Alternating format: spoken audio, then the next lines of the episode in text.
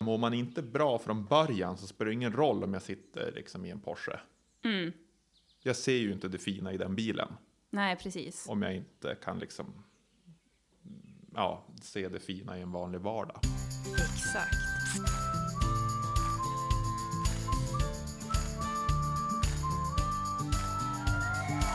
Låt dig smittas av glädje i podcasten som förgyller din dag. Välkommen till Glädjepodden med Sandra och gäster. I det här avsnittet ska du få träffa Per Lindström, en man jag pratade med i telefon för första gången för bara ett par dagar sedan. Och jag glömde totalt vad det var jag egentligen ville och bokade istället in en poddintervju med honom. Så vi har precis spelat in ett jätteintressant poddavsnitt som vi ska bjuda dig på. Det handlar bland annat om olyckliga män i 40-årsåldern, om att må dåligt, om hur kämpigt det kan vara att vara egen företagare. Nu låter det som att det bara är negativa saker vi pratar om här, men jag skulle ändå säga att det är ett väldigt upplyftande avsnitt. Sen så ger Per också definitionen av vad äkta glädje är för någonting på ett väldigt briljant sätt. Så är det så att du går omkring och funderar på vad är egentligen äkta lycka och vad är meningen med livet? Då har du svaren i det här avsnittet. Så nu tycker jag att jag har gett en väldigt bra teaser här. Men innan vi välkomnar Per så ska jag också puffa för det jag pratade om i förra avsnittet. Om du inte lyssnade på det så handlar det om glädjepandemi. Hur vi alla tillsammans på små sätt kan hjälpa till att sprida ännu mera glädje, vilket kan ge väldigt stora resultat. Och vill du får du gärna vara med och dela din glädje genom att hashtagga glädjesmittar. Då kan du inspirera om du har någonting som du vill dela som gör dig glad, eller om någon annan har gjort dig glad, eller om du har observerat någonting som ger dig glädje, eller något fint som någon människa har gjort. Så kan vi alla hjälpas åt och inspirera varandra. Så sprid glädje och nu så ska du få glädje av Per. Välkommen till Glädjepodden Per. Ja, men tack så mycket. Tack. Jätteroligt och det känns som att det blev lite spontant också att Ja. vi träffas här nu idag. Ja, absolut. Eh, Det här visste jag inte i fredags eh, förmiddags. Vi kan berätta för dig som lyssnar att jag ringde till Per i fredags. Jag hade blivit tipsad av två stycken olika personer att ta kontakt med dig då gällande mitt arrangemang Umeås gladaste företagare. Så jag skulle ringa och sälja in någonting där. men jag tappade bort det totalt för vi började prata. Ja, nej, men, och då kände jag ju bara att men du måste ju vara med i Glädjepodden. Synd att vi inte spelade in samtalet, för det hade ju varit jätteintressant. Ja, shit. Eh, Jag minns inte riktigt vad jag pratade om, men eh, det var intressant i alla fall. Eh, Det är intressanta ämnen, glädje såklart. Ja, det var, det var olyckliga män i 40-årsåldern bland annat, så det ska Ja, vi komma det. in på sen idag. Men Per, jag tänkte att jag ska börja med att kolla läget med dig. Mm. Om du utifrån dagsläget just nu skulle vara ett djur, vilket djur skulle du vara då? Åh, alltså. Jo, nej, men jag känner mig väl lite extra chill eh, faktiskt om man har så duktigt folk runt omkring sig hela tiden. Så, som hjälper en med det jobb man gör. Så jag skulle nog kanske säga koala. Oj! Fast jag skulle nog behövt vara en tiger i eftermiddag. Så att, Ja, men det, jag frågade ju egentligen om dagsläget just nu, Ja, så att i eftermiddag då kanske ja. det är något helt annat. nej, men just nu är det nog koala då. Mm, Okej, ja men vad härligt. Mm. Men jag skulle vilja veta lite mera om dig. Nu har vi ju suttit och pratat lite grann här innan. Jag Mm. tänker lyssnarna ska få veta mer också vem du är, vad du gör och vad som gör dig lycklig i livet. Oj, ja, vad jag gör det undrar ju alla. Men alltså just nu så driver jag ju två företag. Eh, Ett är ju då JBR Konsult, en byggkonsultfirma. Och den andra är ju Cloud Redovisning, en redovisningsfirma.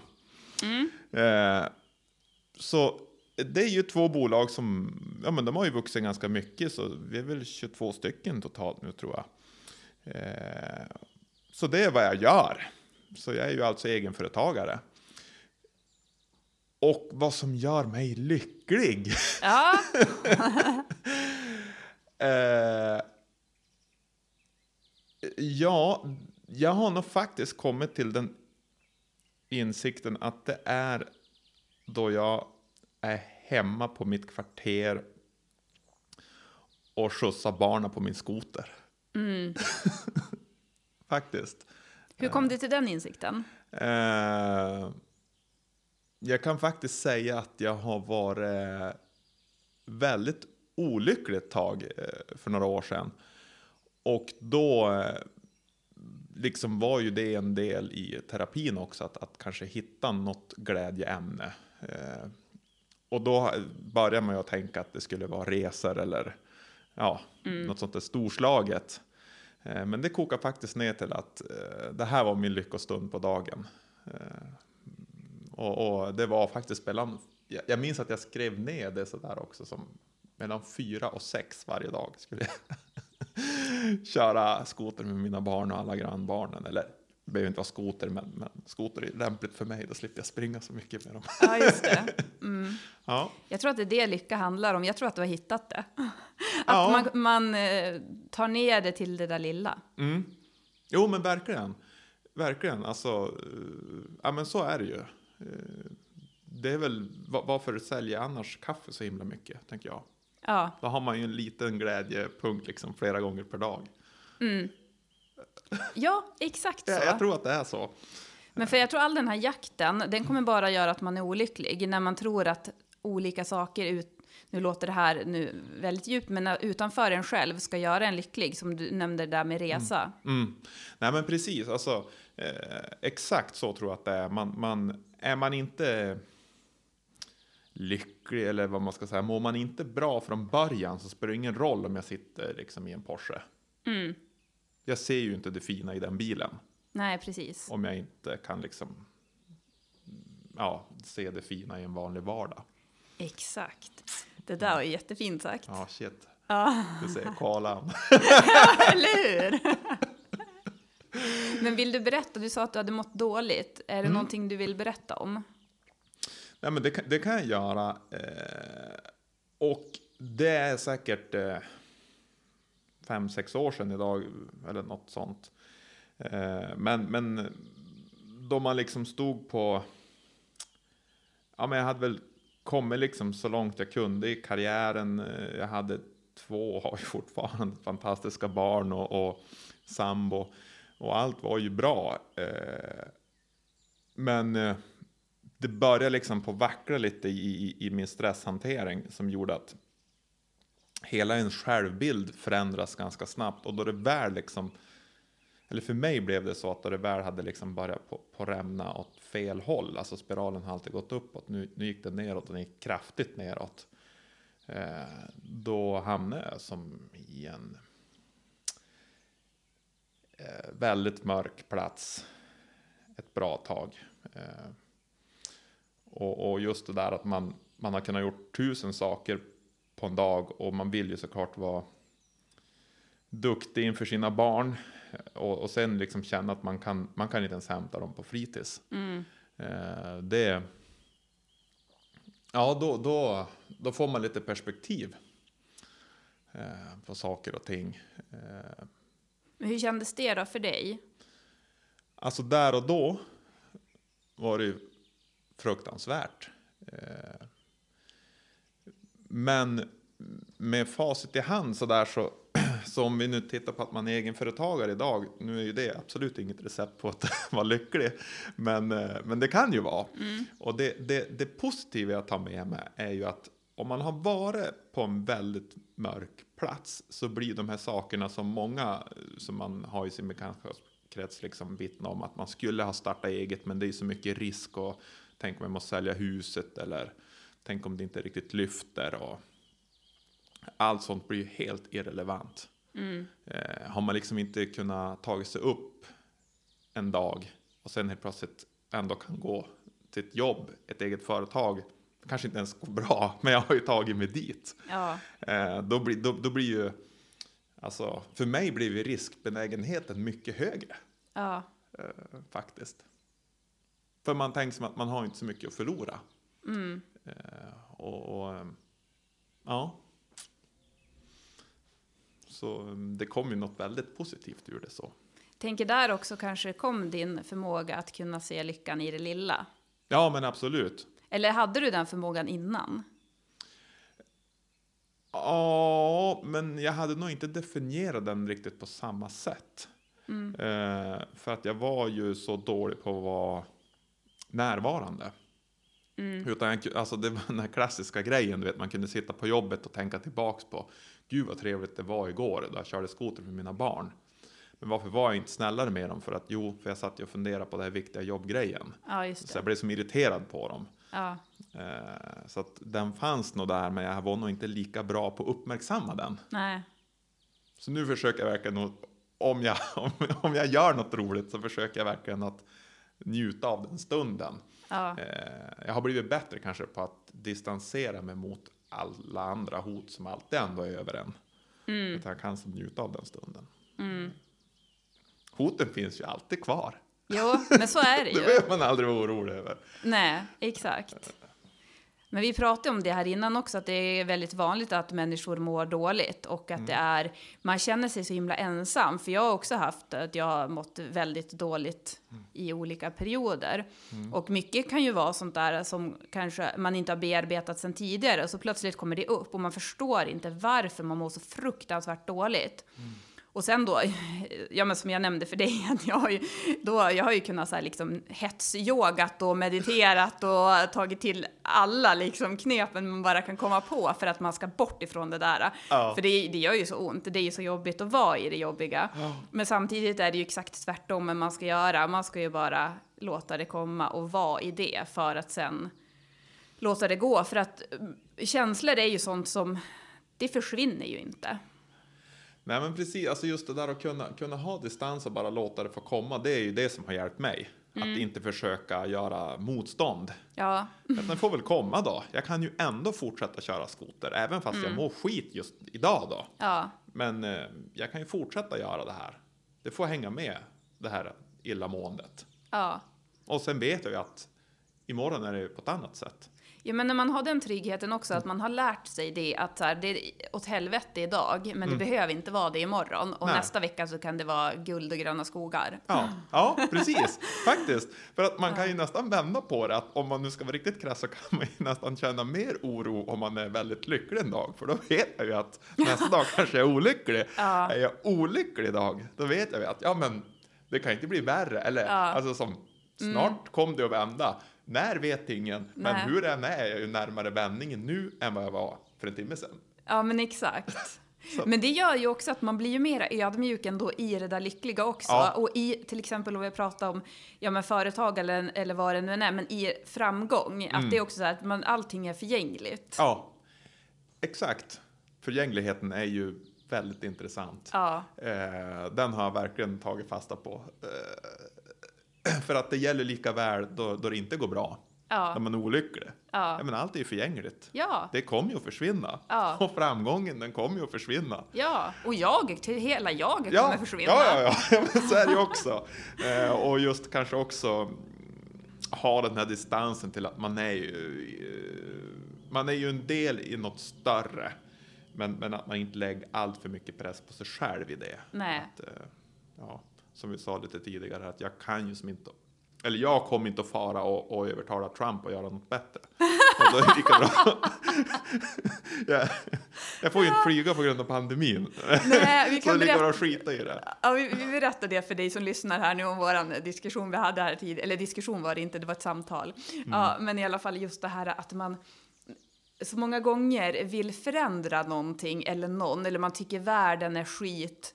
Och så sen så kommer man på sig själv då att, men vänta, lägger jag min energi på rätt sak? Är, det konstruktivt att jag sitter och eh, tycker att Trump är en skitstövel? Eller är det bättre att jag då väljer att vara den personen jag vill vara? Ja. Ja, Nej, men det är väldigt, väldigt sant. Men det här med företagande, vad tycker du är det bästa med att vara entreprenör? Alltså för mig har det ju varit just det här att, att eh, ja, men dels få göra det tillsammans med de människor som jag jobbar med. Alltså vi får liksom dela en vardag eh, som på riktigt gör skillnad. Alltså det kan ju låta lite sådär pretentiöst men, men eh, man vill ju som ändå bidra under sin livstid. Ja, Och jag känner mig som så sjukt peppad på att här visar vi ju faktiskt eh, vi, vi jobbar, vi tjänar pengar och vi betalar skatt till Umeå kommun, vilket gör att folk här kan leva ett bättre liv. Vi anställer folk och tar hand om dem. Eh, Det är sjukt häftigt. Alltså, eh, det kan ju låta lite självklart att det är så. Men, men jag, jag känner mig riktigt, riktigt stolt över att vi alla här gör det. Det, det är en grej. Eh, och, och den andra grejen är ju att vi som får vi är inte beroende av ett, ett stort börsnoterat bolag som ska ha sin aktieutdelning.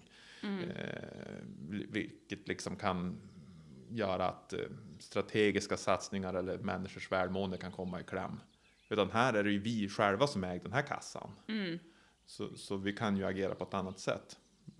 Så det, ja. Ja, känslan att få påverka på sitt eget sätt. Mm, precis.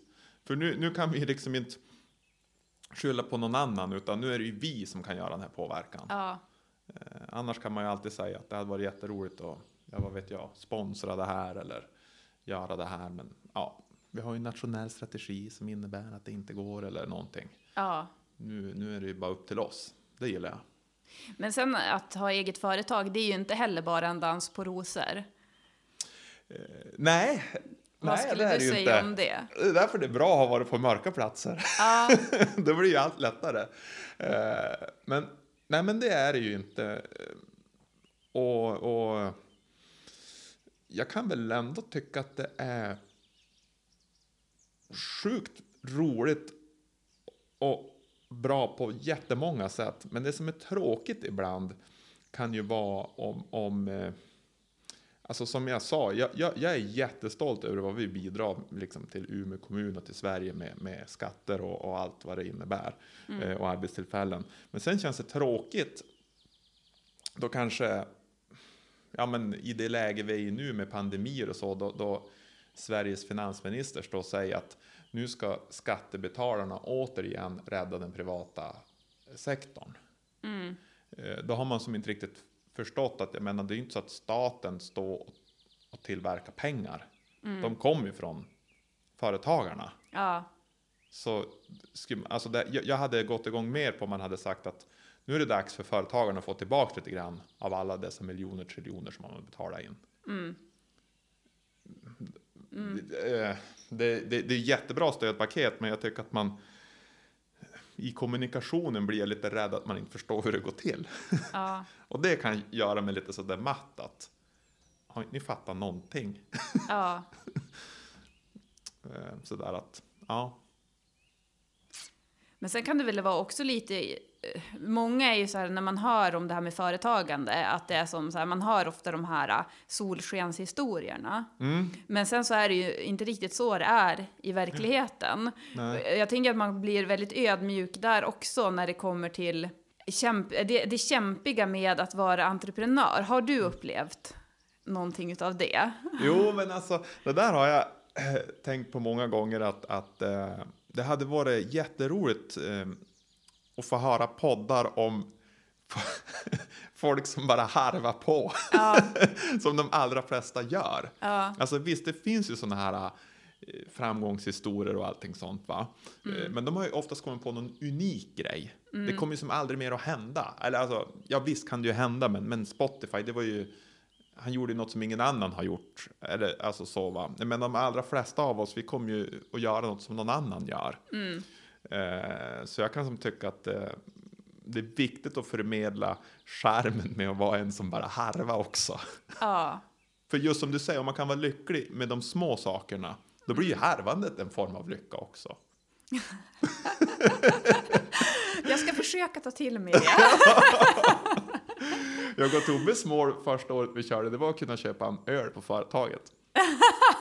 Så att det Hur gick det då? Ja, det kunde vi göra. Men hur var lyckan när ni väl köpte Ja, den men den var ju så sjukt mäktig. Minns du det? Ja, Berätta. Vars, vars var ni någonstans? alltså det var, det var inte något häftigare än att det var typ mitt i veckan på Harrys. Ja. Det var nog bara vi som var där, men, men ändå. Men det var ju ändå lite så här, just att det var mitt i veckan också och att det inte var Mm. så mycket folk där. Det gjorde det väl kanske ändå lite mer speciellt.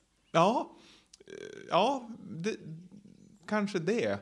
Eh, och så var det ju som en, ett symbolvärde Ja. i, i det här harvandet. Alltså, jag sa det till eh, min kollega på Cloud här att, att det som är så häftigt varför vi vill att folk ska jobba här är ju byggandet. Jag tror ändå att folk går igång på byggandet. Alltså, här så hade man, eh, vad heter brygg, nej inte bryggkaffe, man hade kokkaffe då vi började. Ja. Eh, och ja, det, det tyckte ju den generationen var gott. Men nu har vi en kaffemaskin. Ja. och det är så här, det, det har väl alla arbetsplatser kan man ju tycka. Ja. Men för oss var det som en häftig grej att gå från kokkaffe, nej eller pulverkaffe var det till och med. ja, just det. Från pulverkaffe, exakt, till att ha en kaffemaskin. Ja. Det är ju som mäktigt Ja. för oss. Och det blir som en grej varenda gång jag tar kaffe bara, oh, har man kaffemaskin? Inte så dåligt. Men om man inte har fått vara med om härvandet till att vi hade råd till kaffemaskinen hade man ju aldrig uppskattat den. Nej, och det där är ju äkta lycka. För Ja. då är det ju verkligen, då är vi tillbaka till det här lilla igen. Ja. Mm. Därför tror jag att 40-årskriserna kommer att hamna i 20-årsåldern om några år. Varför? Därför att, om, som det vi pratar om, olyckliga 40-åringar, Ja. så tänker jag så här att eh, Ja, men det, det tror jag är genetiskt. Att förut levde vi bara till 40. Och då spelar det inte så stor roll om man var olycklig då. Nej, precis. Eh, men nu ska vi leva till 80, Ja. säkert. ja, minst. Ja, minst, precis. Eh, och då blir det ju lite sådär att man har ju... Alltså man har ju som kommit till en platå någonstans. Om du tänker att du spelar tv-spel. Och så spelar du första banan och så kommer du till en slutbas. Ja, och så kommer du till andra banan. Det är lite roligt. De är oftast duktiga spelutvecklarna på att det ska kännas som en nivå till. Och så håller du på sådär. Men jag menar, till slut så har du ju ledsnat på det här tv-spelet. Du vill ju spela ett nytt tv-spel. Och jag tänker att kanske är det så som livet är lite grann att nu har vi spelat samma spel i 40 år. Eh, alltså, ja, allt vad med liksom samhället vill att vi ska göra. Ja. Eh, och då kanske det är dags att byta spel. Och på så vis är jag kanske glad över att man själv har varit på ett väldigt mörkt ställe. För det gjorde att jag kunde byta spel. Gå från anställd till att sta- starta eget som var en grej för mig idag. Det behöver inte vara grejen för nästa person, men jag menar bara att jag, jag tror vi ibland behöver resetta. Eh, har man liksom levt i 40 år, då är det väl fan dags att göra något annat. På riktigt alltså, något annat.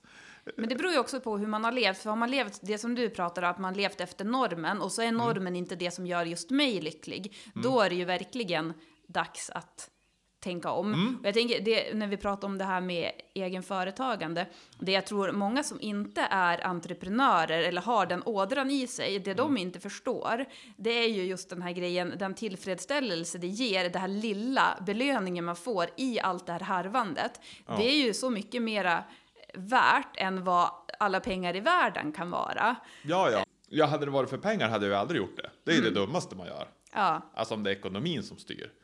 Eh, Då ska du inte starta företag. kan jag säga direkt. Alltså Nej. visst, det kan ju bli en jätteuppsida av det. Men, men vi bor ju i ett land där vi har det mesta är betalt. Eh, Så vi behöver inte jättemycket pengar. Och, och jo, precis, harvandet, vad jag menar med att vi kommer ha 20-årskris istället för 40-årskris. För att de som växer, nu går jag ju mycket till mina egna barn, men, men och det är ju mitt eget fel hur jag uppfostrar dem. Men alltså, själv fick man ju, alltså jag hade så lång, alltså det var ju känslan av att liksom få flytta hemifrån, att få köpa en egen lägenhet, fixa det själv, köpa en egen bil som man hade jobbat ihop med. Alltså du har hela tiden något att sträva efter. Och man fick ett jobb man fick ännu högre lön och det var ju skitmäktigt. Det hade ju ingen annan fått och så vidare. Man kunde åka utomlands, det kanske inte många hade gjort. Medans, eh, jag menar, då min yngsta var ett år tror jag han varit utomlands mer än vad jag hade varit fram tills jag var 20. De har ju gjort allt. ja, De kommer ha gjort allt då de är 20. Och, så att jag tror att de måste byta spel redan vid 20.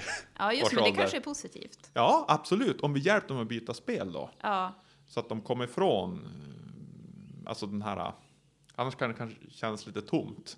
ja.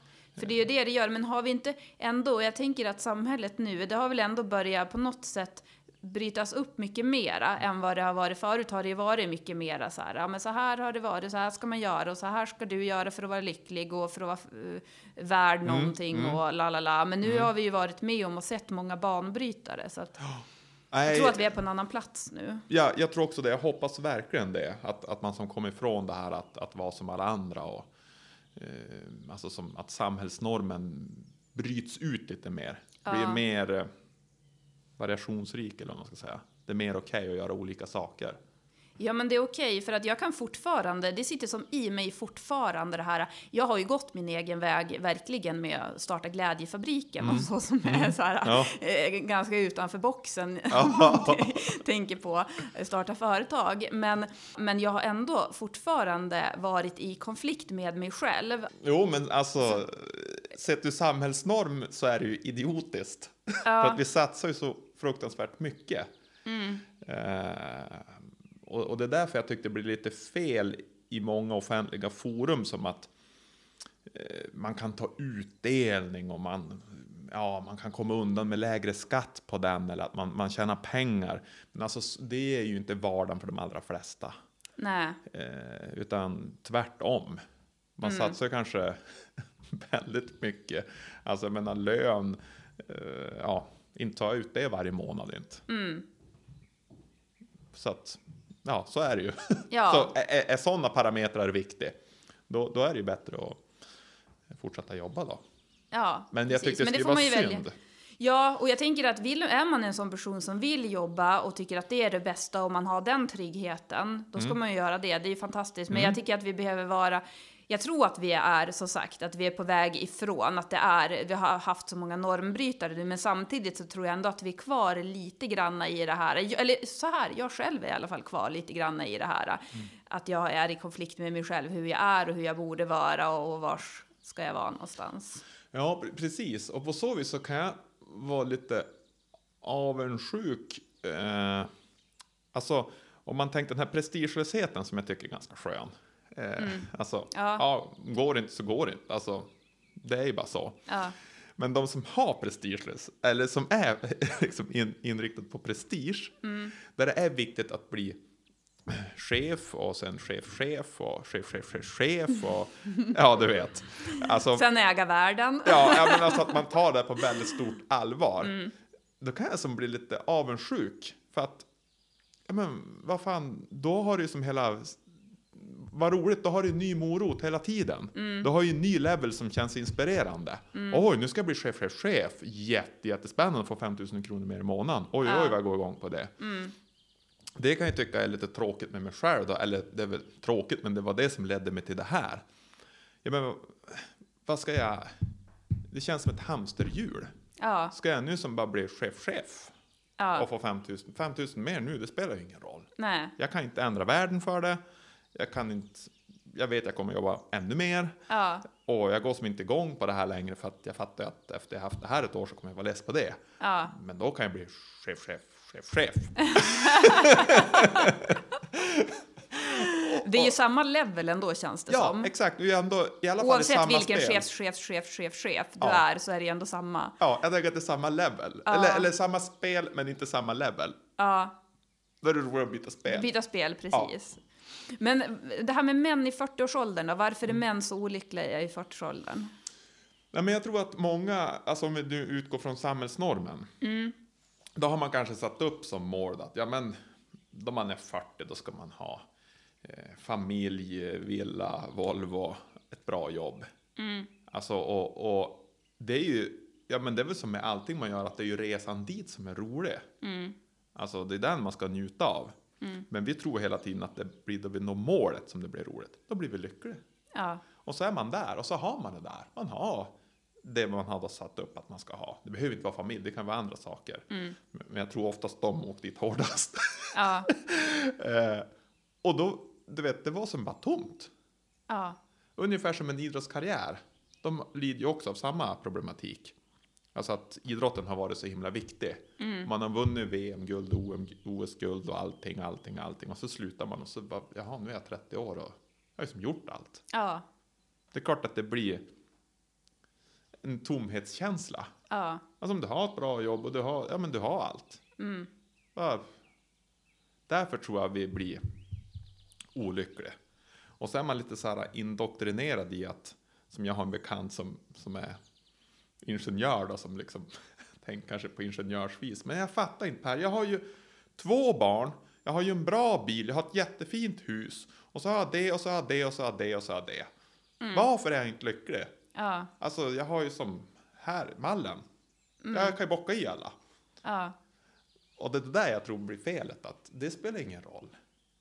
Alltså precis som, som vi har pratat om tidigare, kan du inte vara lycklig då du tar kaffekoppen. Nej, då kan du inte vara det när du har huset heller. Du, nej, du blir inte lycklig för att dricka kaffe i Italien. Nej, exakt. Utan funkar inte på kaffemaskinen på teg så... Ja, Det där är nog bland det bästa jag har hört faktiskt. Är du inte lycklig över kaffekoppen, då kan du inte njuta av Porschen heller. nej men jag tror det ligger nog mycket, eller jag, jag, jag tänker att det är så. Ja, Eh, men det positiva är väl att, att eh, då man då har uppnått det här, den här tomhetskänslan, är att då, då har man ju möjlighet att spela ett nytt spel. jo, Eller så är man kvar i det spel man, ja men shit, jag är fortfarande jättemotiverad på allting. Det här är ju världens viktigaste jobb jag har. Mm. Fortsätt med det. Oj, oj, oj. Eh, liksom. eller så är du kvar i tomhetskänslan. Det är nog ganska många som är det också. Jag tror att det är många Mm. som lever, men som egentligen inte lever. Precis. Precis. Och, och, och där har jag som en ambition att tänka att man skulle... Eh, vi har ju ett ägarbolag till de här bolagen där man skulle kunna liksom stötta fler, kanske män i 40-årsåldern. Nej, men alltså fler folk som, som, eh, som går och ältar det där. "Ja, jag borde, jag har värsta idén. Ja, Jag borde liksom ha gjort det här. Ja, men alltså nu har du ältat det här för mig nog många gånger. Nu gör vi så här. Vi går in som riskkapitalister där. Vi hjälper dig med allt det här. Och så kör du. ja, Du får satsa lite grann själv också. ja, Och tackar du nej till det här, då är det så. ja, Men fortsätt inte älta det här då. ja. Nej men, kör på det. Det Ja. låter ju fantastiskt. Ja, det är kanske vårt bidrag till att öka liksom glädjen och lyckan. Att fler via oss då skulle få kunna testa på en form av entreprenörskap. Ja, Det är så jag också vill att man ska känna som anställd här faktiskt. För att på riktigt är det ju de som bygger det här. Och, och det hoppas jag verkligen att de tar med sig. Även om, om, om någon någon gång skulle sluta här. Så vill jag ju att man ska ha gjort en skillnad i en människas liv. ja, Att shit vad mäktigt det var under den här resan. ja, ja, Nu jobbar jag på Arbetsförmedlingen och är nöjd med det. ja, Men de där fem åren där, det var sjukt mäktigt. Vi Ja. köpte kaffemaskinen. ja, precis. Jo, men att de får känna sig delaktiga i det ja. också. Mm. Ja, ja, ja, ja. Och så är det ju verkligen. Eh, det är in, ja. Men jag undrar en sak. Mm. är män i 40-årsåldern olyckligare än kvinnor? Ja.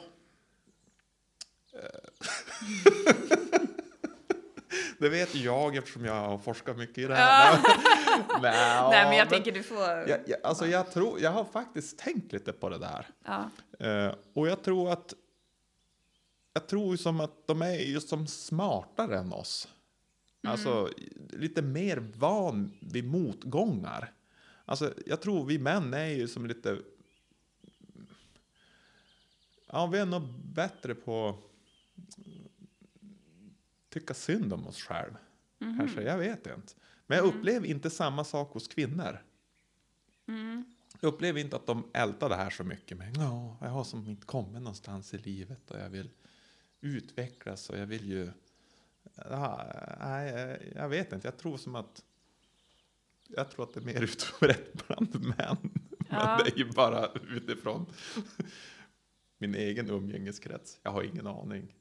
Men jag tänker, vi har ju levt också i ett väldigt maskulint samhälle, där Ja. den, om man nu blir lite djup och flummar iväg här, men där den maskulina energin har styrt, vilket har gjort att även män hamnar i obalans, eftersom att de har, alla människor, så här, vi pratade ju om yin, yin och yang här tidigare, och det är samma sak med det här med maskulin och feminin energi. Det är ju någonting som vi alla har i oss och vi behöver ha någon form av balans av den även i oss själva. Men den har ju blivit väldigt den feminina energin har ju blivit undertryckt, dels i samhället men också i män, tänker jag. Så att det kanske också är en bidragande orsak, jag vet inte. Ja, faktiskt. För jag kan tänka två saker där. Dels, som vi var li- lite grann inne på, att ha varit med om något jobbigt så Alltså har man sprungit uppförsbacke är det ganska lätt att det bara blir platt. Ja, Eh, och jag tänker samma sak för kvinnor. De har ju ändå haft ett jobbigare liv än männen. Alltså, mm, även fast vi lever liksom i 2021 nu så är det ju jobbigare tror jag att vara kvinna. Eh, så man är van den här uppförsbacken på ett annat sätt. Eh, och sen tror jag att män liksom förut känns det som att ja, men då hanterar man det mer med alkohol och liksom ja, att inte ta ansvar mer. Så, alltså, medans nu, nu är det ju mer okej också att ta hjälp och det, det är ju jättebra. Men, men jag tror att männen har en betydligt längre väg att gå där än kvinnor. Jo, men de har inte fått känna så mycket. Nej. Känns det som. Jag tänker på det, jag lyssnade på Aviciis pappa i en intervju igår. Och eh, som han beskriver honom och som jag har hört andra också beskriva honom så var han en väldigt känslig kille. Och eh, väldigt ändå på något sätt i kontakt med sig själv. Och eh, det är ganska hårt att vara det, att vara en, bara som kvinna att vara känslig i det här samhället kan vara ganska jobbigt, kan jag tycka. Ja, Och att då tänker jag att som en man var det, att det måste vara ännu värre på något sätt. Det har inte varit riktigt socialt accepterat. precis.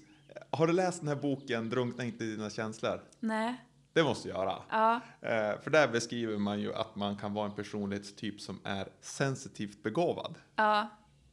Och det, är ju ett, det tycker jag är så bra ord. Ja, För jättefint. att eh, då, jag äger det här då tillsammans med Tobias och Samuel. Ja. Och vi är ganska likadan där. Alltså vi är ganska konflikträdda. Och ja, man funderar alltid, oh, nu var den där kunden inne och det var som att han, han sa ju att det var bra fast han sa inte jättebra. Och undrar om han är missnöjd och ja, jag vet inte. Och, och alla tre har väl ganska hårdhudade fruar så att det passar sig inte att komma hem och älta. Eh, Så därför så brukar vi ha som en älta-klubb. Eftersom vi tre är som så sensitivt begåvad.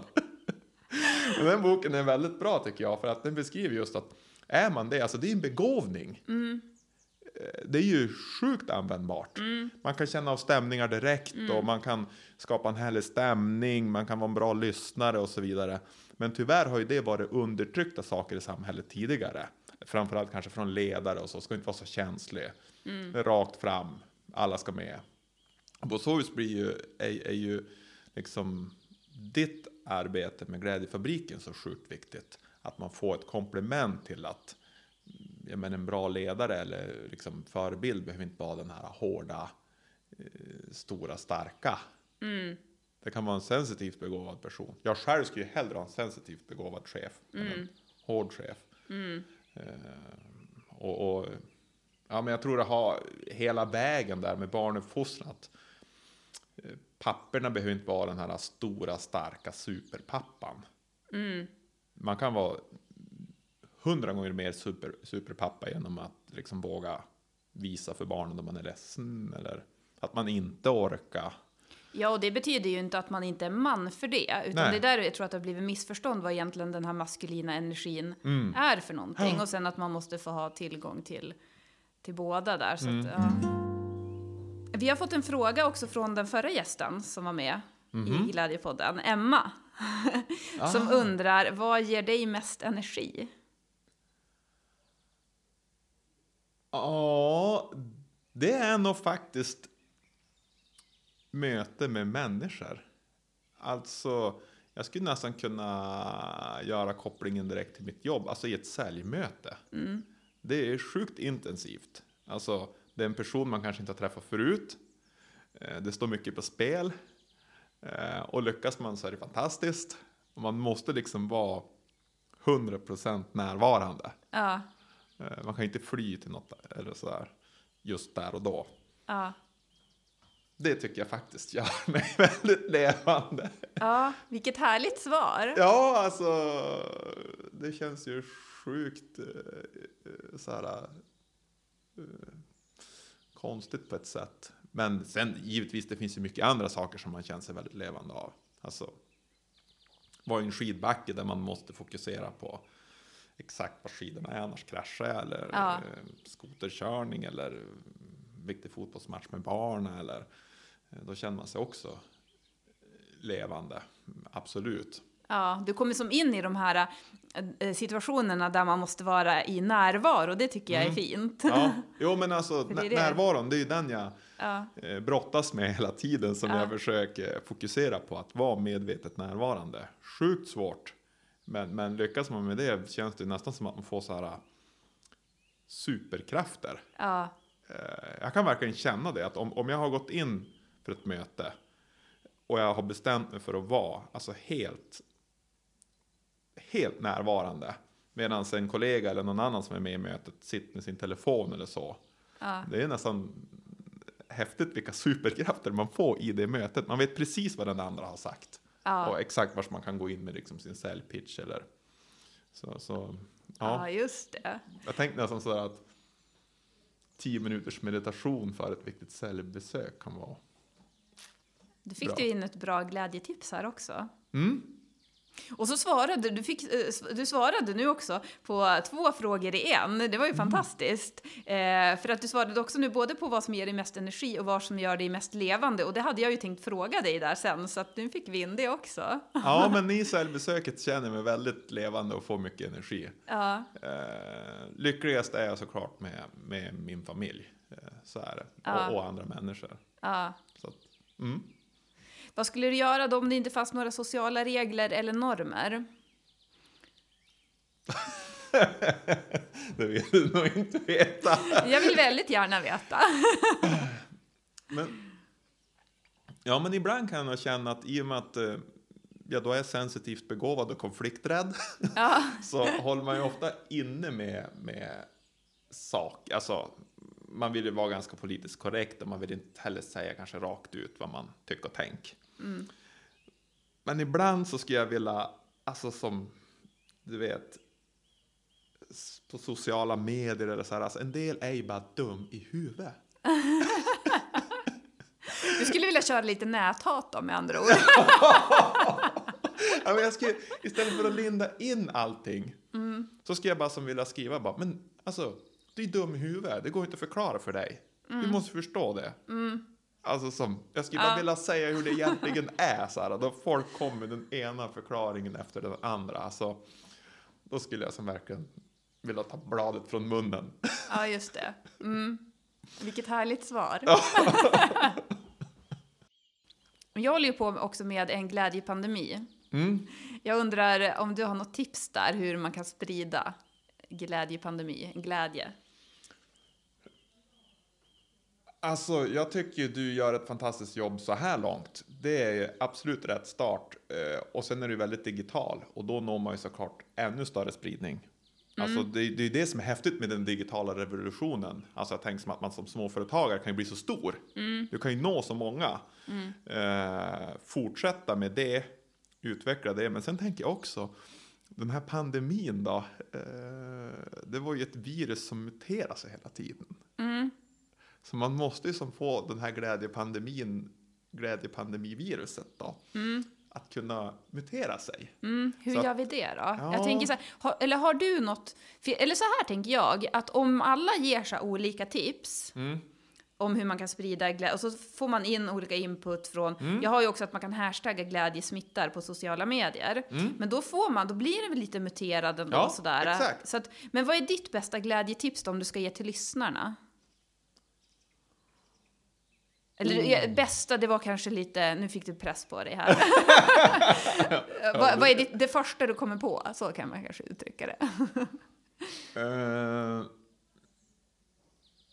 ja, men alltså det är nog det här att, att eh, vad de säger, efter, sol, efter regn kommer solsken. Nej, men alltså att, att drunkna inte i, i det som känns jobbigt just nu. Vi vet ju att det är ju, ja men som du sa, allt är ju förgängligt.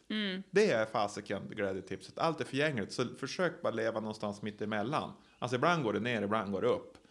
Men någonstans så får vi försöka vara mitt emellan. Då det går bra så blir, får inte hybris. Mm, exakt. Liksom, det kommer ju, vi vet att det kommer att gå dåligt. Ja. Eh, och samma sak då det går dåligt. Ja, det går ju dåligt, man mår dåligt. Men gräv inte ner dig liksom i det heller, utan försök hålla mitt emellan. Ehm, Exakt, och om du mår dåligt, du är inte ensammast i världen, utan Nej, det är ganska inte. vanligt att må dåligt. du och jag kan ju understryka på det. Ja, ja, ja, och jag menar, jag tänker som att du måste ju må dåligt för att uppleva lycka. Mm. Så det är ju, jag tänker att det måste ju vara 50-50. Mm. Så det är inget konstigt med det. Nej. Eh, och det, så det är väl, ja om man ska säga så, det är väl det att förhålla sig till att må dåligt. Ja. Det är ju sjukt svårt. Jo, för det, det är nog lätt hänt att man gräver ner sig och bara vad är det för fel på mig och man börjar jämföra sig. Och, Mm. Men, eh, men på så vis så tror jag det är bra. Som din far, jag lyssnar ju lite grann på han stressforskaren där. Alltså just som han säger, att jag menar så ändå ha, hitta, hi- hitta ett syfte med, med livet. Alltså det behöver inte vara något storslaget. Alltså det är ju till exempel att ingå i en arbetsgrupp. Man är väldigt viktig. Sen kan jag må dåligt, men jag är i alla fall här och gör min grej. ja, Eh, exakt. Att jag kan förhålla mig till det. Ja. Inte underskatta sin egen betydelse. Nej. Ja, men jättebra tips. Hur ska vi sammanfatta det här avsnittet då? Jag tycker att du har ju sagt något av det absolut finaste jag har hört. Så att det eh, känner jag, det här med att du kan inte, är du inte lycklig över en kopp kaffe så kan du inte vara lycklig och uppskatta Porschen heller. Nej, men eh, precis. Var, var medvetet närvarande i de små stunderna. Ja, Det tycker jag är ganska häftigt. Då blir många saker roliga. ja. Och, och ja, verkligen. Men vi ska ju skicka med en glädjeutmaning också. I den här podden så har vi alltid en glädjeutmaning till lyssnarna så här, som man får ha under en veckas period för att bli lite gladare. Samtidigt så känner jag så här också att det här med, jag måste bara flika in det nu, men det här med att hålla på och eftersträva, det är ju också så här, egentligen så är ju, det är kul med glädjeutmaningar, men egentligen så är väl kanske ändå den största utmaningen att bara släppa att man hela tiden ska eftersträva någonting. Ja, absolut. Och, och, och, och alltså jag tycker många som har släppt det har ju blivit mer hyllade än då man höll fast vid det. Ja. För då gjorde du bara det som alla andra gjorde. Ja, exakt. Och därför tänker jag också, för det är en sak att om vi ser att man, vi tar en glädjeutmaning som ett exempel. Om man ska köra en glädjeutmaning och man gör det av glädje och nyfikenhet och bara det här blir kul. Det är en helt annan energi än om man gör det för att bara nu ska jag förbättras, jag ska bli en bättre människa, jag ska la la la la. Förstår du skillnaden där? Och det är det jag tänker att med allt, att man ska, så mycket man kan bara försöka vara i att så här, att, ja, men det här gör jag för att det är roligt, inte för att jag på något sätt ska eh, det- jag är inte tillräcklig som jag är eller att jag, ja, det, det är någon Nej, form av precis. prestige i det hela. Då, då, då skulle jag nog tänka så här att glädjeutmaningen skulle vara att förhåll dig till dina negativa stunder. Alltså, gå inte, alltså acceptera dem. Så att eh, nå, nå toppar givetvis, eh, men, men det, det bästa är väl att, att hitta en liten högre nivå på, på lägsta nivån. Och den hittar man ju automatiskt bara genom att man, att man har tillit att ja, Mm. idag är det inget bra, imorgon är det säkert bättre. Ja, Att det här är livet. Ja, inte nej. istället för att så här, jag ska ju vara lycklig, jag borde Mm. ju vara lycklig, varför är jag inte lycklig nu? Nej, men exakt, det är ju det som, det blir bara värre, du vet. Bli lycklig för fan, kom igen nu, kom igen nu. Köp Ja, en till exakt. Porsche, kom igen. Ja, men precis. Det här står ju på Instagram, har man tre då är man lycklig. Ja, om det ändå fanns ett sånt recept. Ja, Det här var jätteroligt, fantastiskt kul. ja men detsamma. är det någonting detsamma. du vill eh, tillägga innan vi säger tack och hej? Nej men alltså, jag tycker bara det känns så sjukt fränt att man vågar göra nya saker. Eh, hade jag inte varit på mina mörka platser hade jag nog inte varit här med dig. Ja. Och det här är en grej jag tar med mig hela mitt liv. Så att, Wow. häftigt att våga nya grejer. Ja, Även om de kanske inte alltid lyckas, det spelar ingen roll. ja. Nej, men exakt. Kör på. Man vet ingenting om livet, så att... Nej, för man har ju lyckats i och med att man vågade göra något nytt. Exakt. Man kan ju alltid sen om det misslyckas göra något ytterligare nytt. Ja. Vi måste, borde definiera om vad egentligen det som är lyckat är för någonting. Mm. Jag tyckte att spela så många olika spel, inte att någon nya levlar på samma spel. Ja, eller att man spelar de spelen man vill spela. Ja. Man kanske vill spela samma spel hela Ja, livet. ja. Helt fantastiskt. Ja, ja, Om det det är, är så. jättebra. Det är Ja. jättebra. Det gäller bara att ha nog utmanande levlar. Ja, exakt. ja, tack så jättemycket för att du lyssnade och kom ihåg nu att glädje smittar. Tack så mycket.